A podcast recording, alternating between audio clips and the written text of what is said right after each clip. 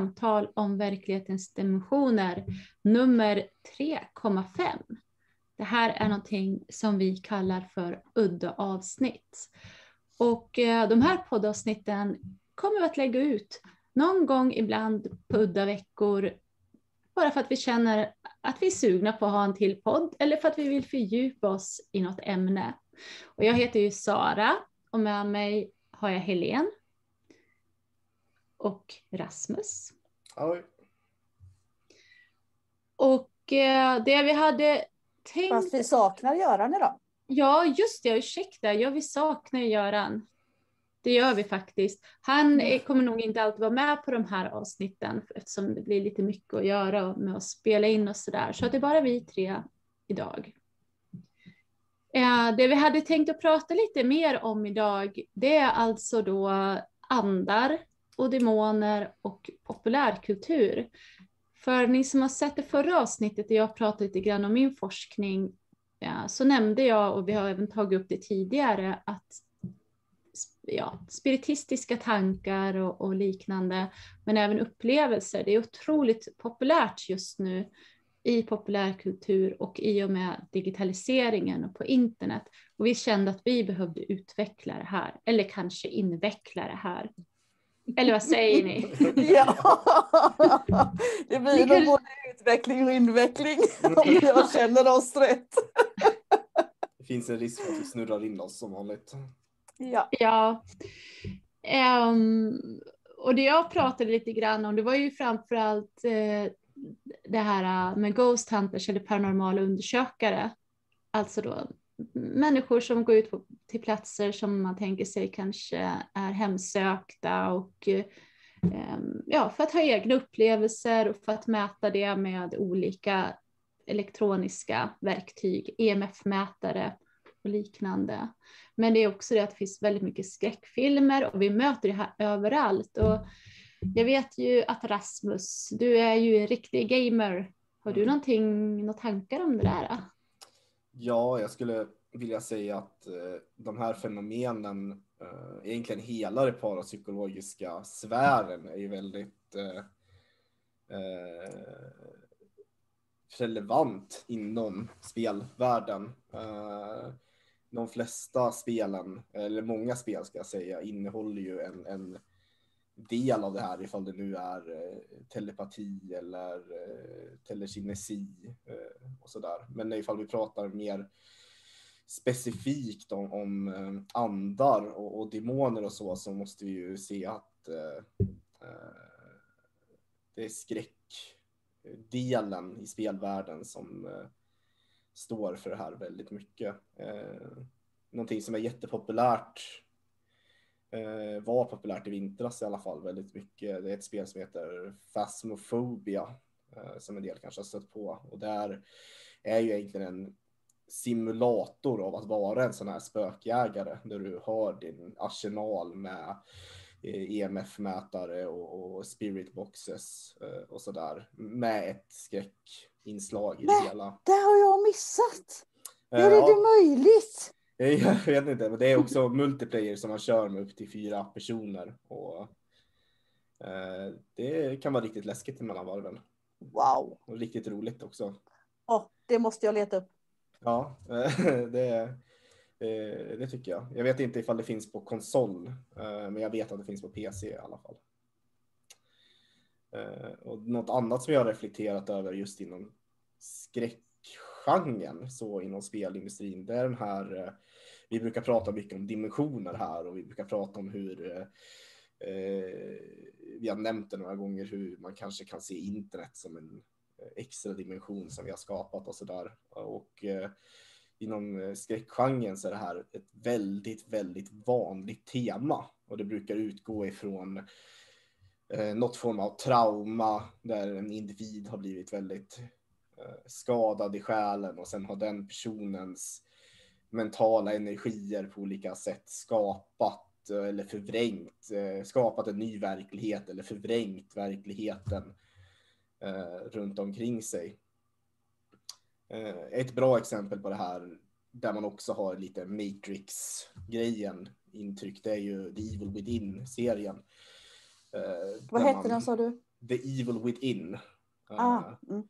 Och det är själva premissen där är att de har en, ett, en virtuell verklighetsvärld som är drivs kan man säga av en seriemördares sinne. Och sen så rör sig eh, din huvudkaraktär genom den här världen som är skapad av den här seriemördarens tankar och känslor och sådär. Mm. Uh, mm, intressant och där har vi också den här serien Silent Hill. Mm det, det, är ju en riktig klassiker och det är ju i princip samma sak. Eh, man tänker sig då att den här staden Silent Hill, visserligen så har det varit lite kulter och sånt där, där som har möjliggjort att eh, människans, eh, vad ska man säga, ja, psyke skapar den verklighet den upplever. Och det här tänker jag, det är jätteintressant när vi pratar om det här med verk verklighetsdimensioner, alltså vad är det egentligen som är verkligt och att allting vi erfar, det utgår ju ifrån vårt inre existensrum, alltså det vi bygger upp inom oss själva. Och vi tänker att alla andra upplever verkligheten på ungefär samma sätt, men det är ju inte alls säkert att de gör det. Det kan jag ana att de gör det. Men också det, det här, jag kommer ihåg när jag spelade Silent Hill 2. Ja, jag tror att det var Silent Hill 2 jag spelade och då kommer jag ihåg för att då kan man hitta lite olika böcker och sånt där i spelet där man kan läsa. Och de är just inne på det här med, med poltergeistupplevelser. Och då har de faktiskt tagit med eh, parapsykologiska teorier då, där de har skrivit om det i spelet. Och där står det att eh, vid vid eh, traumatiska upplevelser eller stor stress så kan människan omedvetet skapa en annan verklighet runt omkring sig. Alltså att man, och man kan påverka föremål utan att man vet om det och, och liknande. Så att det var väldigt intressant att se det tycker jag. Mm. Och det handlar ju också om olika dimensioner eftersom vi ska, vi tjatar om det där med och för er som inte är gamers så finns ju även Silent Hill som film faktiskt. Ja, fast den tycker jag att den är nästan omöjlig att se om man inte har spelat. Den är, de som jag känner som har sett den som inte har spelat, de tycker att den är rätt så kass. Jag tror tycker att det är de för... det? Ja, jag såg jag filmen innan jag spelade spelet. Jag blev, helt... det? Ja, jag blev helt såld på filmen. Mm. Jag är ja. så förälskad i den filmen så det är inte klokt. Mm, ja, det är lite olika kanske då. Det kan vara lite svårt att förstå, för spelet är ju också svårt att förstå. Men Evil Within är lättare att förstå. Jag är ju en udda människa, så det kanske är därför då. Jag kan ju också säga att i Silent Hill, där möter man ju också demoner, kan jag ju säga. Mm. I de här olika världarna eller dimensionerna som man själv på något sätt tänker sig skapa på, på den här platsen. Eh, kan man också möta demoner. Och de här demonerna, ja, om man lär sig lite om spelets historia och så där, så representerar ju det trauman och skuggor hos den man spelar, spelkaraktären. Eh, det är väl ungefär lite grann så jag ser på demoner eh, överlag. Att det är våra skuggor, våra inre mörka sidor som vi inte har vågat ta tag i som skapar de här demonerna. Tänker jag. Mm. De här demonerna man möter i populärkulturen som är mm. ofta väldigt otäcka. Det, det där är ju en väldigt, jag vet inte ifall det var Silent Hill som startade det. Jag tror kanske att det är Silent Hill kommer ju från en japansk studio. Jag tror att det där kanske är en mer japansk tanke, mer kulturellt förankrad tanke har jag fått för mig i alla fall, för man stöter ju på liknande koncept i annan eh, japansk media på det sättet. Men, men i, i spelvärlden i alla fall så på grund av Silent Hill som är så otroligt stort så är ju där en väldigt förankrad tanke vid det här laget. Jag tänker bland annat på en eh, serie som heter, jag tror det finns två spel som heter Layers of Fear. Mm. Som är, ja, den har jag spelat. Ja, det är en fantastisk upplevelse mm. och det, hela det bygger ju på eh, mentala perspektiv egentligen kan man säga. Liksom hela den upplevelsen handlar om hur eh, din huvudperson som, som eh, går ner sig i sin egen galenskap och egentligen allting man möter i det spelet är ju olika projektioner ifrån eh, den här individens inre och, och eh, eh hans väldigt traumatiserade eh, bakgrund som man sakta låser upp. Eh, så, så just den där tanken om, om hur demoner och, och spöken och andra sådana här saker är egentligen en del av dig eh, är ju väldigt, väldigt vanlig inom spelgenren idag. Eh, mm. Och jag vet att jag tjatar om det nästan, nej jag tjatar inte om det, men jag nämner det i nästan varje avsnitt och det är det här med jungiansk psykologi då. Ja, och det, är ju relaterat till det ni båda pratar om tänker jag, det här Helene pratar om med skuggan och det du pratar om Rasmus. Inom jungiansk psykologi så tänker man sig ju då att, det, att människan har ju, dels så har vi det medvetna jaget, den vi är, den vi, vi vet att vi är eller uppfattar oss vara. Och sen så har vi också en skuggdel av oss, en del av oss själva som vi inte vill veta av och den finns ofta i det omedvetna, alltså vi vet inte om den. Och den här delen av oss är ju någonting som andra märker ofta, men inte vi själva. Så att den skuggan, om man tittar på jungiansk psykologi så ser man ju att den gestaltas symboliskt oftast som demoner eller djävulen eller, eller djävlar eller monster eller liknande, den här skuggan. För att den är väldigt skrämmande för oss. För att det kan ju, det kan ju vara, det är saker som vi tycker är så förkastliga liksom. Så vi vill inte veta av de här hos oss själva.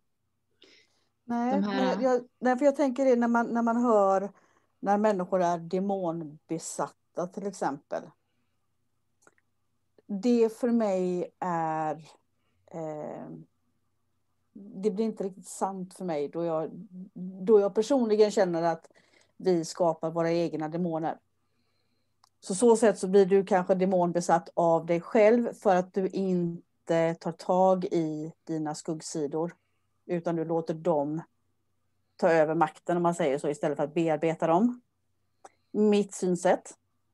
Istället för det som, som vi ofta ser kanske i populärkulturen då i, i filmer och, och annat när folk, människor blir demonbesatta så handlar det om de katolska synsätten med demoner. Eller är jag fel ute nu? Nej, um, jag tror att det är olika former av alltså det här just med besatthet är ju otroligt vanligt inom populärkultur. Mm. Eller inte otroligt, det var mer vanligt förut eftersom det var så efterdyningar av Exorcisten tror jag, ni vet den här filmen från 70-talet. Visst är den från 70-talet? Eller den 80-talet? Ja. Nej, 79, 78 va? Ja, men precis. Jag tänkte säga 77, men någonstans där. Ja. Ja. ja, men dels så finns det ju den typen av eh, besatthet. Mm. Alltså den när en människa tycks gå helt upp och få förändrad personlighet och eh, faktiskt kan prata på sätt som man inte tänker sig att den ska kunna prata och det kan ske eh, andra ja, paranormala då, som mm. håller på med det, upplevelser i samband med den, eller poltergeistupplevelser om man vill kalla det för det. Då. Eh, och lite annat. Eh, dels så har vi ju det. Och eh, Exorcisten den är ju också baserad på en verklig händelse förut. Mm. Jag tror att det var en pojke, har jag för mig att det var då, som, som de upplevde då var besatt. Och sen så har vi en annan typ av besatthet som kommer ifrån USA höll jag på att säga. Nej, det blev fel. Hur ska jag säga det där då? Vänta. Jo, deliverance kallas det för. Och den är vanlig i USA, för i USA har man ju så mycket frikyrkor och sånt där. Ni vet ju alla de här wow, prästerna. Vet ni vad jag menar? I, Blue, i, Blue, I Blues Brothers, have you seen the, I have seen the light. ja. Ja, men där, va? där har man någonting som kallas deliverance. Och för där menar man att man kan vara besatt av andra andar, till exempel alkohol, eller inte andar, utan demoner då. Mm. Alkoholdemoner, speldemoner eller vad det än är du, som människan du, lider jag måste, jag måste, Det var, var intressant du tar upp den. För att det har jag fått höra att när någon blir eh, får ett spöke på sig eller en ande på sig när de blir besatta på det viset, då kan det vara just någon från andra sidan som har hade alkoholproblem, som har hockat fast i en person som fortsätter med den andens alkoholproblem och dricker. Ja, det kommer nog ifrån den här tanken om eh, det här uh, deliverance och mm, måste den, vara det, va? de här demonerna. För jag tror att den skolan du kommer ifrån, Helene, jag tror den också har lite anknytning till, till eh, kanske Amerika eller här lite anglosaxiska. Så att det kan kanske, ja, jag vill inte svära på det, men jag känner igen det du pratar om också. Jag har hört det förut eh, i spiritistiska sammanhang. Men just det, så har vi, den, vi har ju den och det är då prästerna kommer och, ja ni vet den där halleluja, så, här, så blir de befriade från den här speldemonen eller eh, ja, alkoholdemonen eller vad det kan vara. Überhealing kallas den. Ja, men sen så har vi ju det här som sagt var, det, det, det här med att vara besatt av andar då. Och det du pratar om Helene.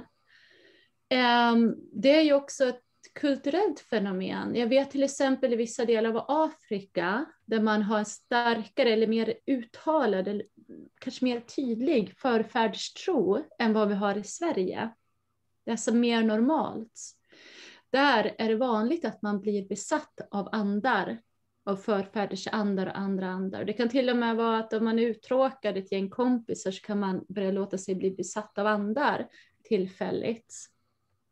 Så att det är väldigt kulturellt färgat det här. Och jag tänker mig att det är lite mer kopplat till det som du pratar om. Jag kommer att tänka på, nu, nu är ju voodoon är ju en blandreligion. Den har ju delar av både katolicismen och eh, mer klassiska afrikanska eh, religioner eh, och sådär. Men, men där är ju i voodoo-ceremonierna så är ju en av de största äran man kan, en av de största, den största äran man kan få är att bli besatt under den här ritualen och arbeta som, ett, eh, som en form av verktyg eh, för de här andarna som kommunicerar via dig saker ifrån den himmelska eller någon annan verklighet. Så. Mm. Så där är ju det ja, otroligt centralt. Ja, och även inom shamanismen, och det känner väl du till, Helene, som håller på med lite, ja, man ska säga ny shamanism, då, att, det, mm. eh, att det finns. Så att bli, ja, vad ska man säga, besatt, eller vad man, som vi säger i våran kultur då, av en ande. Det kan ju vara någonting som här kan ses väldigt, som någonting väldigt otäckt, men i en annan kultur så kan det vara väldigt välkommet tillstånd, precis som ni säger. Mm. Någonting som jag tänker på i, i, i populärkulturen, som det här är lite av en stretch, men eh, jag ser liknande mönster där. Och det är ju den här idén om att eh, eh, protagonisten blir ofta Eh, besatt av en idé eller en tanke eller ett ideal. Eh, och, för de som kollar kanske på anime, det är ju ofta japanska tecknade serier och sådär. Där är ju det ofta centralt för huvudprotagonisten att den överlever endast på sin, av sin besatthet att uppnå ett specifikt mål. Det blir liksom hela drivkraften i den individen. Eh, och nu är inte det här klassiska andar eller så, men, men eh, jag tycker ändå att det är intressant hur den för det är lite samma idé kan jag tänka mig, liksom, om den här, man låter sig uppfyllas helt av någonting på det där sättet. Mm. Mm. Mm, verkligen, men jag tycker jag, jag kan nog ändå se någon slags koppling där Rasmus, för om vi tänker på att um, det, det, är de här uh, filmerna som du nu pratar om som har det här uh, draget. Det är ofta shinto, alltså den japanska vad ska man säga, folkreligionen då, som finns bredvid, på sidan av buddhismen. De lever tillsammans de två. Och då är, det ju det här eh, som man brukar kalla för kami. Eh, och kami återfinns ju överallt i populärkultur. Och eh, ja, man brukar översätta det som andar eller gudar, men det är inte riktigt rätt. Det här, utan det är ett alldeles speciellt väsen skulle man väl kunna säga. En del är, skulle vi kunna känna igen som gudar, andra som andar, andra som demoner. Men det här kami kan finnas eh, i svärd. Ni vet alla berättelser om levande svärd och så här magiska svärd och så här. Det är för att de har en kami i sig. Även frukter och mat kan ha kami och till och med människor kan vara kami. Jag har en favoritserie faktiskt där. The Blue Exorcist. Det, det är precis en sådan serie med väldigt mycket kami. Mm. Jättemycket. Den är helt fantastisk verkligen.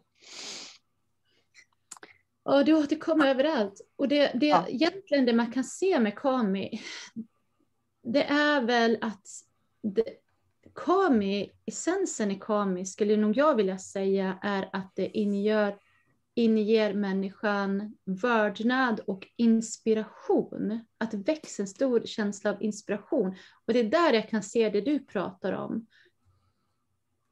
Mm. Förstår du vad jag menar Rasmus? Jo, jag, jag förstår och, och, där tycker jag ifall vi jämför med Silent till också, där jag menar, för det är ju där i slutändan de här eh, monstrositeterna som har fötts ur den här personens eh, sinne handlar om också. Ifall man lyckas övervinna det här, då handlar det om att växa som person. Det handlar ju liksom om att, att, att utvecklas i själen och, och och läka sig själv och sådär. Så jag, jag, ser ganska mycket likheter där, absolut.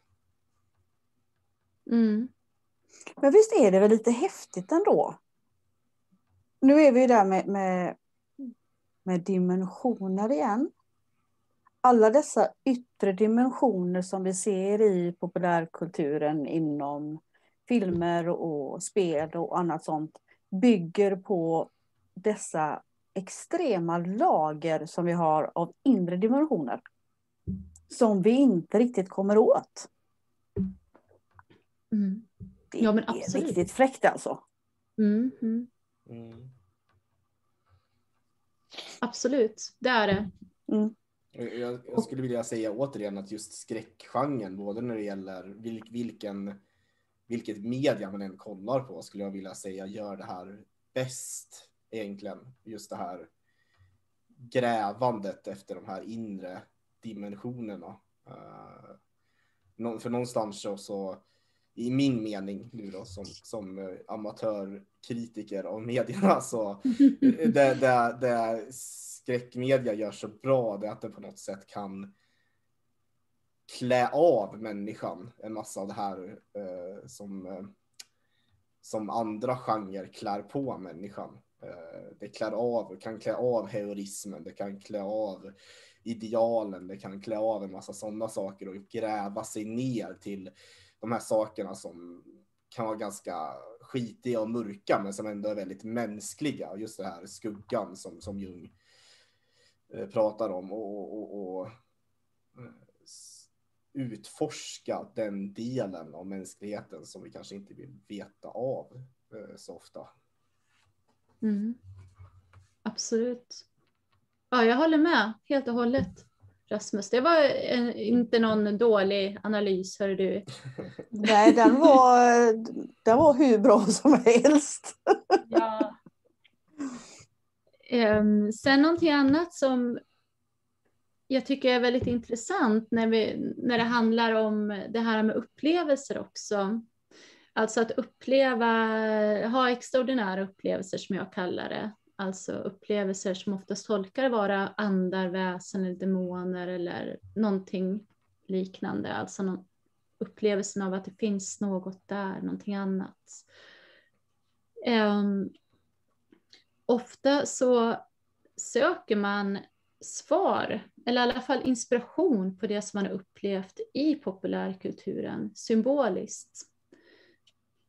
Det är där man har liksom ingen bok riktigt att följa som till exempel kristna kan ha eller muslimer kan ha ifall de har någon form av upplevelse, utan det är som att populärkultur och det digitala samhället överlag har blivit en, ja, nu har jag två nu gör jag citattecken här, en helig skrift då.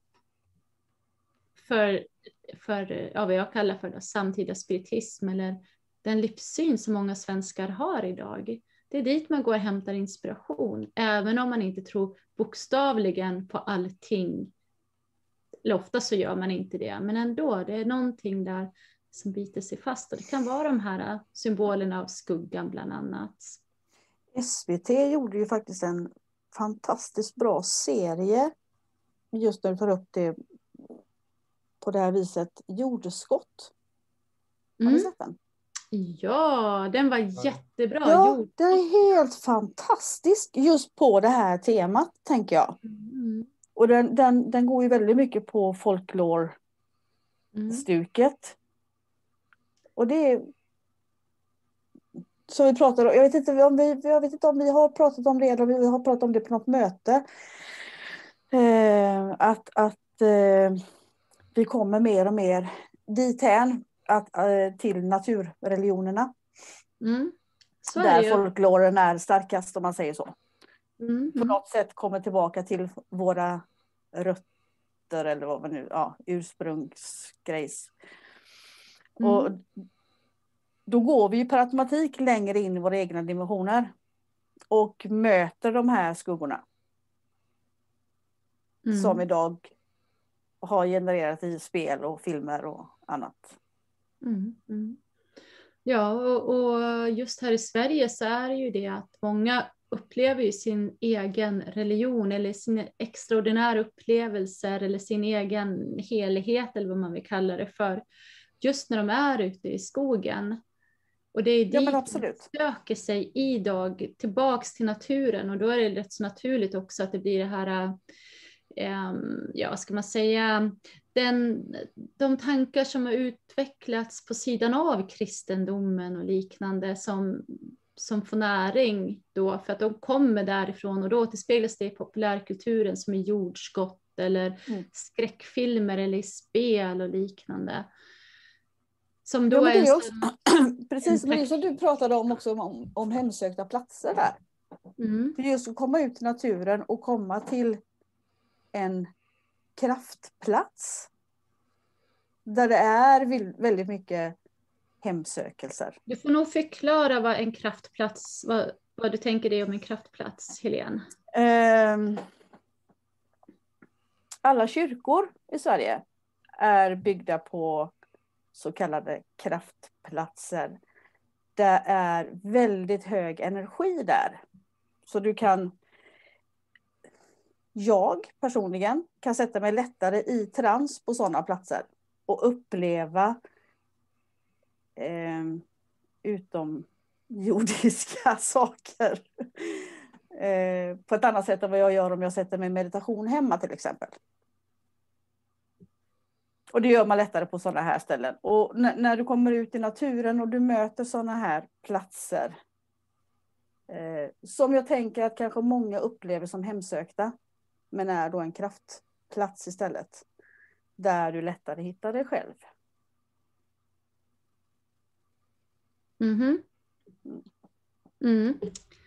Ja, jo jag vet att det är många som, som, eh, som tänker så och eh, Ja, jag vet inte. Jag vet inte om de återspeglas så jättemycket i populärkultur. Jag skulle vilja säga att i, i, eh, det finns ett medium vi inte har nämnt riktigt här och det är ju det som kallas för creepy pastas eller Ja, Den just- moderna just tidens det. skrivna skräckhistorier kan man kalla. eh, Och för de som inte vet vad en creepypasta är så utgår det ifrån att man, eh, man skriver den här historien eh, som att det har hänt. Ofta det uppstod i blogg eller i, i forumvärlden i, under början på 2000-talet, slutet på 90-talet sådär. Och, och eh, då var det ju att man delade med sig om någonting som har hänt, någonting väldigt skrämmande. Och exempel på saker som kommer ifrån den kulturen som jag tror många känner igen, det är ju till exempel eh, Slenderman.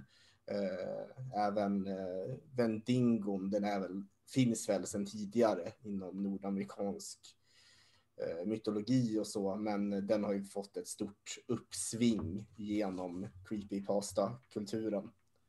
och det Getmannen. Ja, jag tänkte också på Getmannen, ja. Getmannen. och, och namnet i sig kan vi ge en förklaring på också. Det är ju creepy, är ju såklart det är lite läskigt och så här. Och pasta, det är en eh, förvrängning på paste, alltså att eh, man kopierar och, och, och eh, klistrar in den här. Man, det blir som en gående från mun till mun, fast från forum till forum, från bloggpost till bloggpost. Vandrande sägen. Mm. Okej, Jag vill inte verka så blåst nu eller någonting, men jag trodde verkligen att det var pasta. Såg framför mig att någon hade hittat på det där och det var så här äckliga makaroner och grejer. Så. Ty, tyvärr.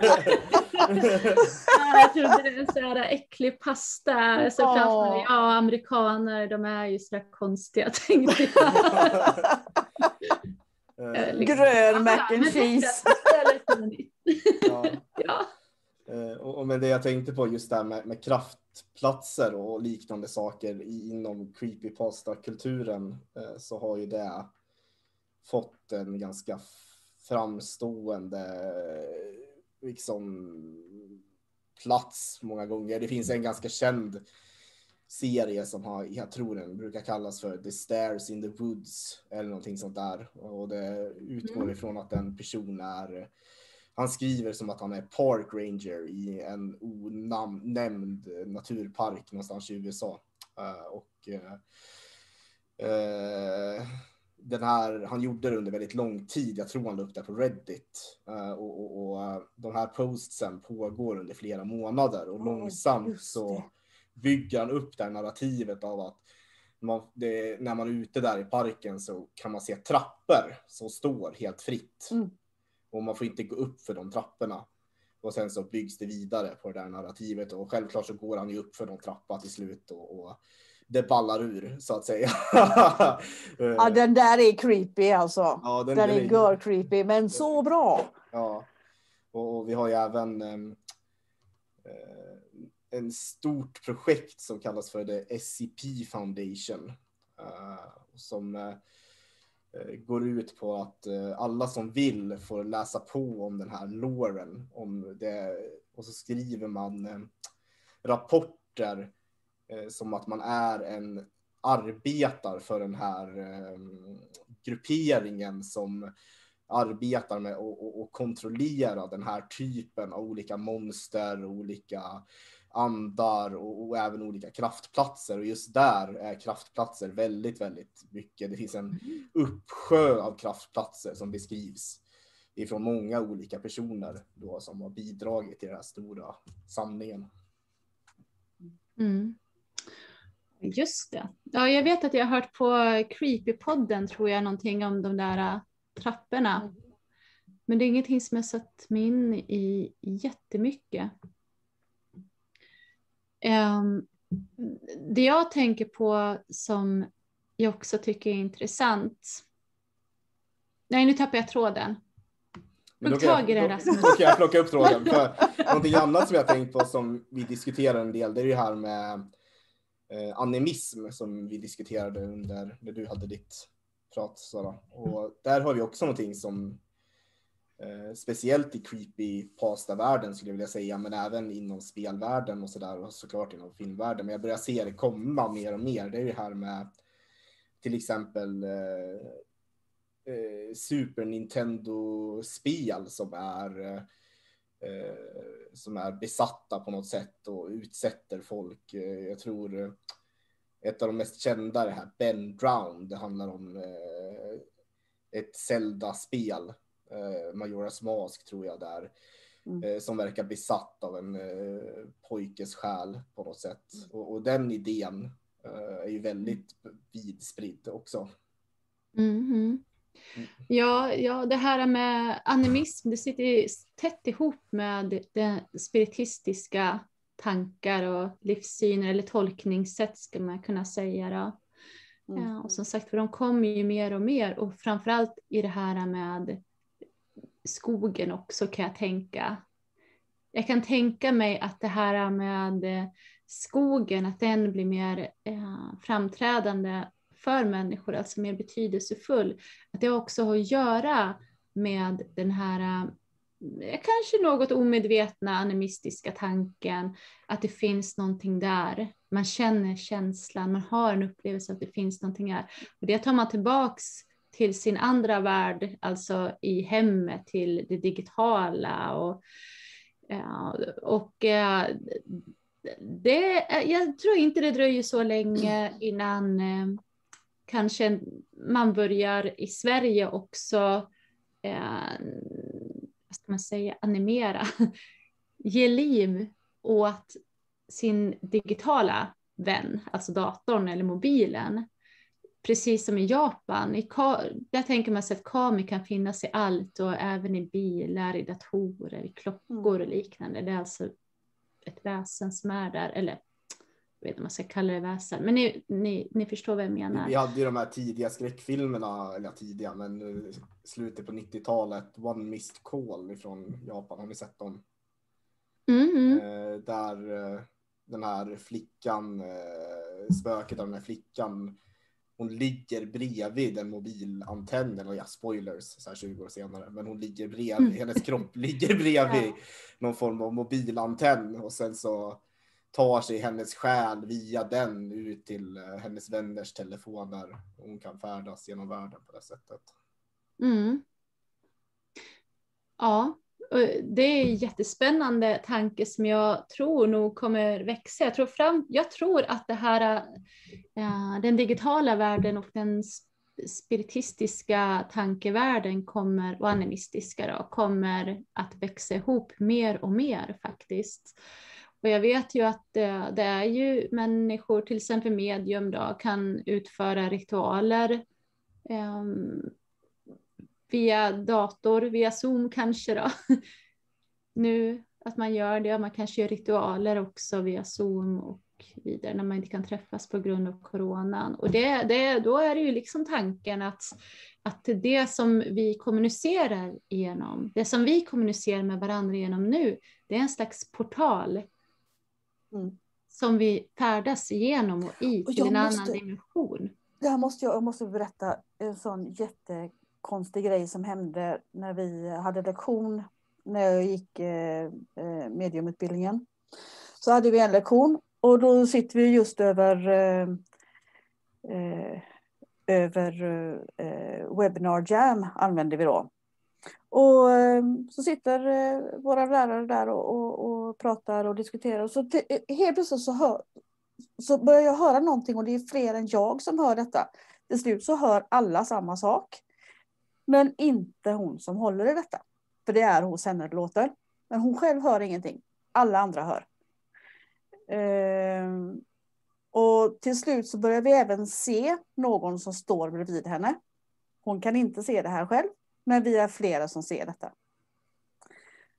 Ehm, och den här rösten, hon kollar sen senare så hon kan höra det på inspelningen sen och då lägger hon upp den här lilla, lilla snutten i, i vår eh, eh, grupp vi har.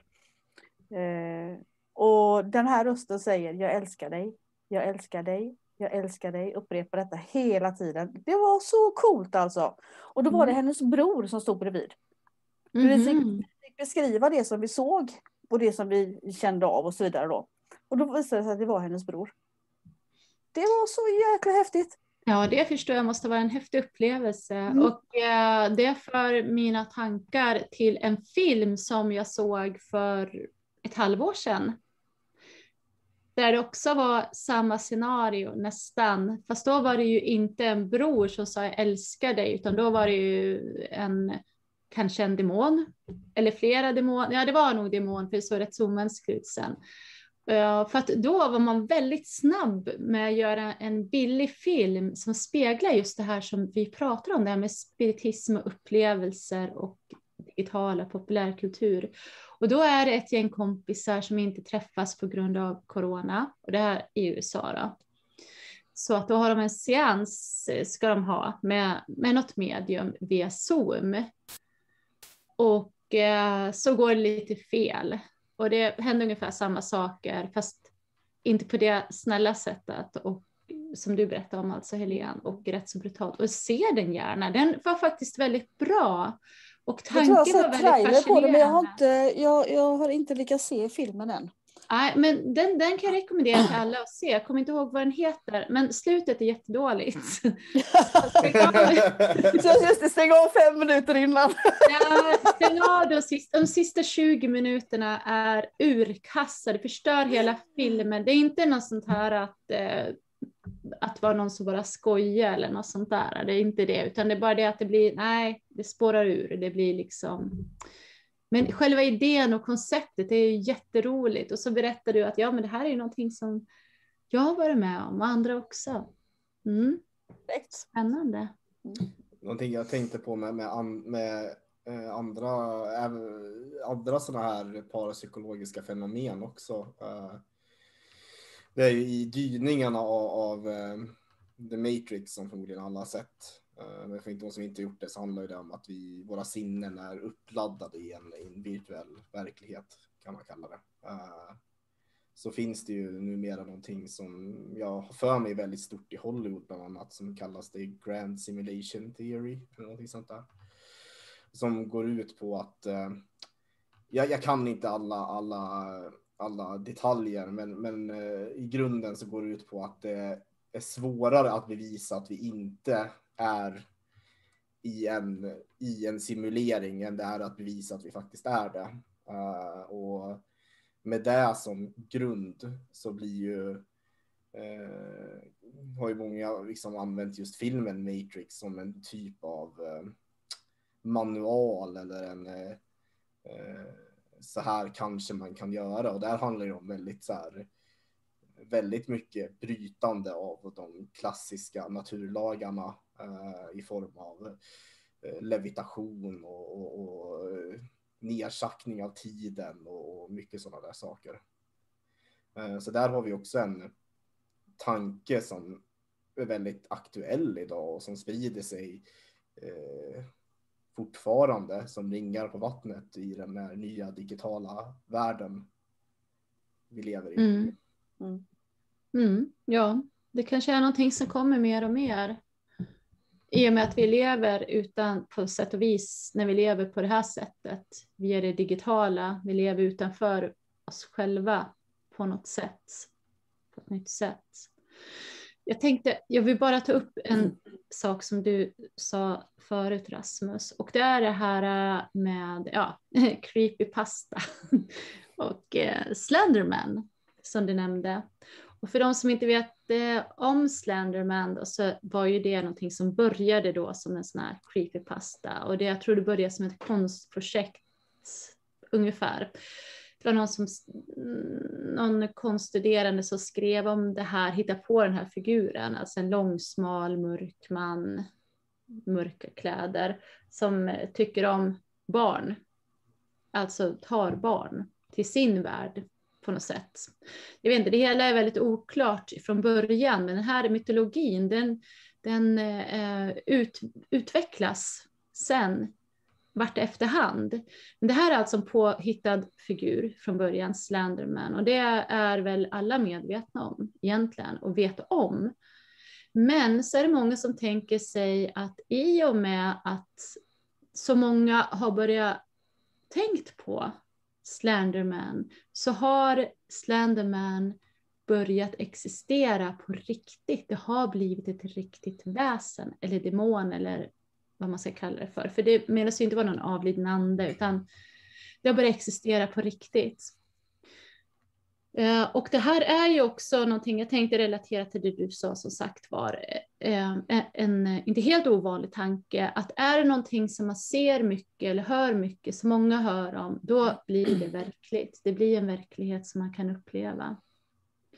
Och som sagt, när jag gäller Slenderman så har det utvecklats en hel mytologi kring den här äh, figuren. Och, äh, ja, Slenderman har ju blivit som en egen entitet kan man väl säga. Mm. Ja. Rätta mig ifall jag fel nu, men jag vet inte ifall ni såg bilderna här. Jag tror det tillhör Slenderman-mytologin. Och det är den här, jag minns inte vad den heter nu, men det är en ny karaktär som är jättestor och lång och är ofta avtecknad och går genom dimmorna och så har den så här gamla eh, mistlurar. Eh, Siren Head. Siren Head. Jag för mig att det är en del av the extended uh, Slenderman lore. ja, jag tror också det. Jag har suttit och spelat Fallout nu i min corona-ensamhet ända sedan i jul. Och där finns det något tillägg där, där den här Siren Head ska finnas, men det stämmer. Så den lever ju, det jag menar med det är att det lever ju och fortfarande byggs på väldigt aktivt än idag. Mm. Fast Slenderman börjar bli ganska gammalt. Ja, ja men absolut, och utvecklas. Och då gör det det genom mytskapning, alltså man skapar nya myter, nya berättelser, precis som att man skriver nya kapitel eller skriver om Bibeln som man har gjort flera gånger. På samma Babadook sätt... är väl också någon sån? Babadook. Är inte det bara efter en film då? Att man hittar på det i en film? Jag vet inte om det har men jag undrar om inte den, den kommer just ifrån Slenderman det vet jag inte. De påminner ju om varandra. Det är också mm. någon sån här svart skugglik ja. mansaktig sak. Mm. Ja. ja, precis. Men den påminner väldigt mycket om Slenderman. Och jag tänker om det är någon, någon avkomma från Slenderman kanske. Mm. Ja. Det, det, behöver inte vara en direkt heller, för jag vet i, i jag menar, Slenderman är ju ganska viktig bara på grund av den här kulturyttringen den kanske inte skapade men, men gjorde populär. Uh, så jag menar, vi har ju en hel uppsjö där ifall man kollar runt tidpunkten när Slenderman skapades så har vi ju Jeff the Killer till exempel och, och eh, just nu står det bara still därför jag kommer bara få Jeff the Killer men det finns en hel uppsjö med liknande de har liknande premisser och, och de kommer ungefär samtidigt och de här skaparna tog ju inspiration ifrån varandra och, och, och sådär. Mm. Ja, och jag tänker lite grann att just det här mörka som finns hos eh, Ehm, Slenderman och även Babadook och även Sirenhead. Men även andra sådana här skapade väsen, alltså senare, för, senare födda väsen om man säger så, som har kommit. Jag tänker att det också kan ha att göra med människors upplevelser, att det är det som ligger till grunden för det här skapandet. Och då tänker jag framför allt på någonting som ja, inom engelskan kallas för shadow people, eller alltså mm. skuggfolk eller skuggmänniskor, skuggvarelser. Det kallas för lite olika saker. Eh, och det är ju någonting som många berättar att de har upplevelser. Det, det, ja, de vet inte riktigt vad det är, men det är en skugg, skuggfigur då, som ofta syns i ögonvrån och sånt där som människor upplevelser av. Så jag tror att det finns något samband där, att de här upplevelserna kan... Ja. Jag håller med och jag måste faktiskt dela med mig där, för det finns ju en hel creepypasta som är en av de mest kända som är helt tillgänglig. Den, just den idén, fast väldigt extrem. Och jag måste säga att till idag så är det den bästa creepypastan jag personligen har läst. Och jag, en av de få grejerna som verkligen har skrämt mig de senaste tio åren. Och det är The Russian Sleep Experiment. Ifall ni inte har läst ja. den så borde ni sätta er mitt i natten och stänga av lamporna och göra det, för den är fantastisk. Det är ett litterärt Jag började faktiskt lyssna på den igår, men jag somnade alldeles i början. Så jag ja, nej men det är... Så, men den är bra alltså. Jag tycker man ska läsa den själv också, som man gör i sin egen pace. Uh, den är... Jag eh, brukar, jag brukar sitta och lyssna på creepypastan och läsa samtidigt faktiskt. Mm. mm. Sorry, The Russian Sleeping... The Russian Sleep Experiment. Ja, precis. Ja. Okej. Okay. Ja. Den är riktigt otäck alltså. Eh, när jag stötte på den för ja, det börjar bli närmare tio år sedan nu, då trodde jag att jag var stor och stark och tuff. Och det slutar med att jag satt klockan tre på natten med alla lysen på i lägenheten i hörnet på sängen. Med kudden så här. Nej, jag vill, jag vill inte, jag vill inte vara med. Men eh, vad säger du? Ni, vi kanske ska dela länken sen då till våra lyssnare så de också får Absolut.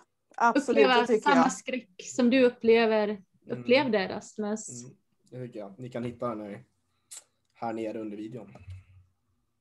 Perfekt. Och jag, jag tänker mig också, jag vet inte om det är så som jag inte har, vill ha några spoilers, men jag tänker mig att de här berättelserna eller som vi återfinner i populärkulturen, jag kan tänka mig att det som är mest skrämmande, det är ju det som dels eh, speglar vår mörka sida eller vår skuggsida eller mänsklighetens skuggsida, mörka sida, men samtidigt som är någonting som man nästan själv har upplevt. Alltså den där, att återspegla på något sätt den här känslan. Man kan leva sig in i den här känslan för man har upplevt något liknande någon gång. Så kan jag i alla fall känna. Hur tänker ni? Jag håller med och jag tror att jag är med. Och jag tror att det är därför just skräckspel som jag diskuterade tidigare. Jag tycker att skräckspelen är nog en av de mest fascinerande medieyttringarna som har kommit på väldigt, väldigt länge. Ja, sen boken ungefär. Och, och det är just därför att du hamnar i kläderna på den här individen som måste ta sig igenom de här surrealistiska men ändå igenkännbara. Eh, I, I djupet av själen så kan man ju för, förstå de här symbolvärdena och det här och du kan koppla det till jobbiga, tunga händelser och skrämmande händelser i ditt eget liv. Och just det gör det så fascinerande. Det enda... Eh, jag tror det, ändå, det finns två andra personer som lockar fram det hos mig och det är när jag läser Stephen King och när jag läser H.P. Lovecraft eh, i de, de bra H.P. Lovecraft-novellerna. De två kan också skapa den där känslan och det är nästan mer imponerande att de gör det via text, men den där känslan av hur man ramlar långsamt ner i sig själv på något sätt. Mm. Mm, jag är helt med dig där Rasmus, jag känner likadant. Hörni, kära vänner. Det här skulle bli ett kort avsnitt sa vi från början. Ouch! vi har bara hållit på en timme, så det är kort. det är kort för att vara oss. Ja, ja, ja visserligen. Jag tänker ja. att det är många liksom saker vi har tagit upp här, eller som vi har snuddat vid, som jag känner, men det här vill jag utveckla. Mm. Och då har vi ju till exempel, jag ska inte göra det nu, men jag bara ge en teaser, till exempel Hattmannen, som ni säkert talas om. Oh, ja. Alltså upplevelser av Hattmannen vid sömnparalyser och lucida drömmar. Och... Han med glasögon, och, är det han du menar? En del beskriver nog att han har det, men framförallt att han har hatt och ibland kan det vara fler personer. Och de här ja, upplevelserna... Ja, jag menar. Ja. Mm, jag har sett honom.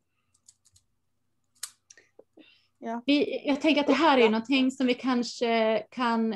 Jag tänker att de här halvavsnitten, ojämna avsnitten, vi skulle ju kunna ha lite så här, de kan ju vara lite mer att vi går in på upplevelser på ett annat sätt då och filosofera kring som vi har gjort idag, eller vad säger ni? Tittar på det från en liten annan dimension. Mm. Ja, precis. Ja, men precis. Bra där Rasmus!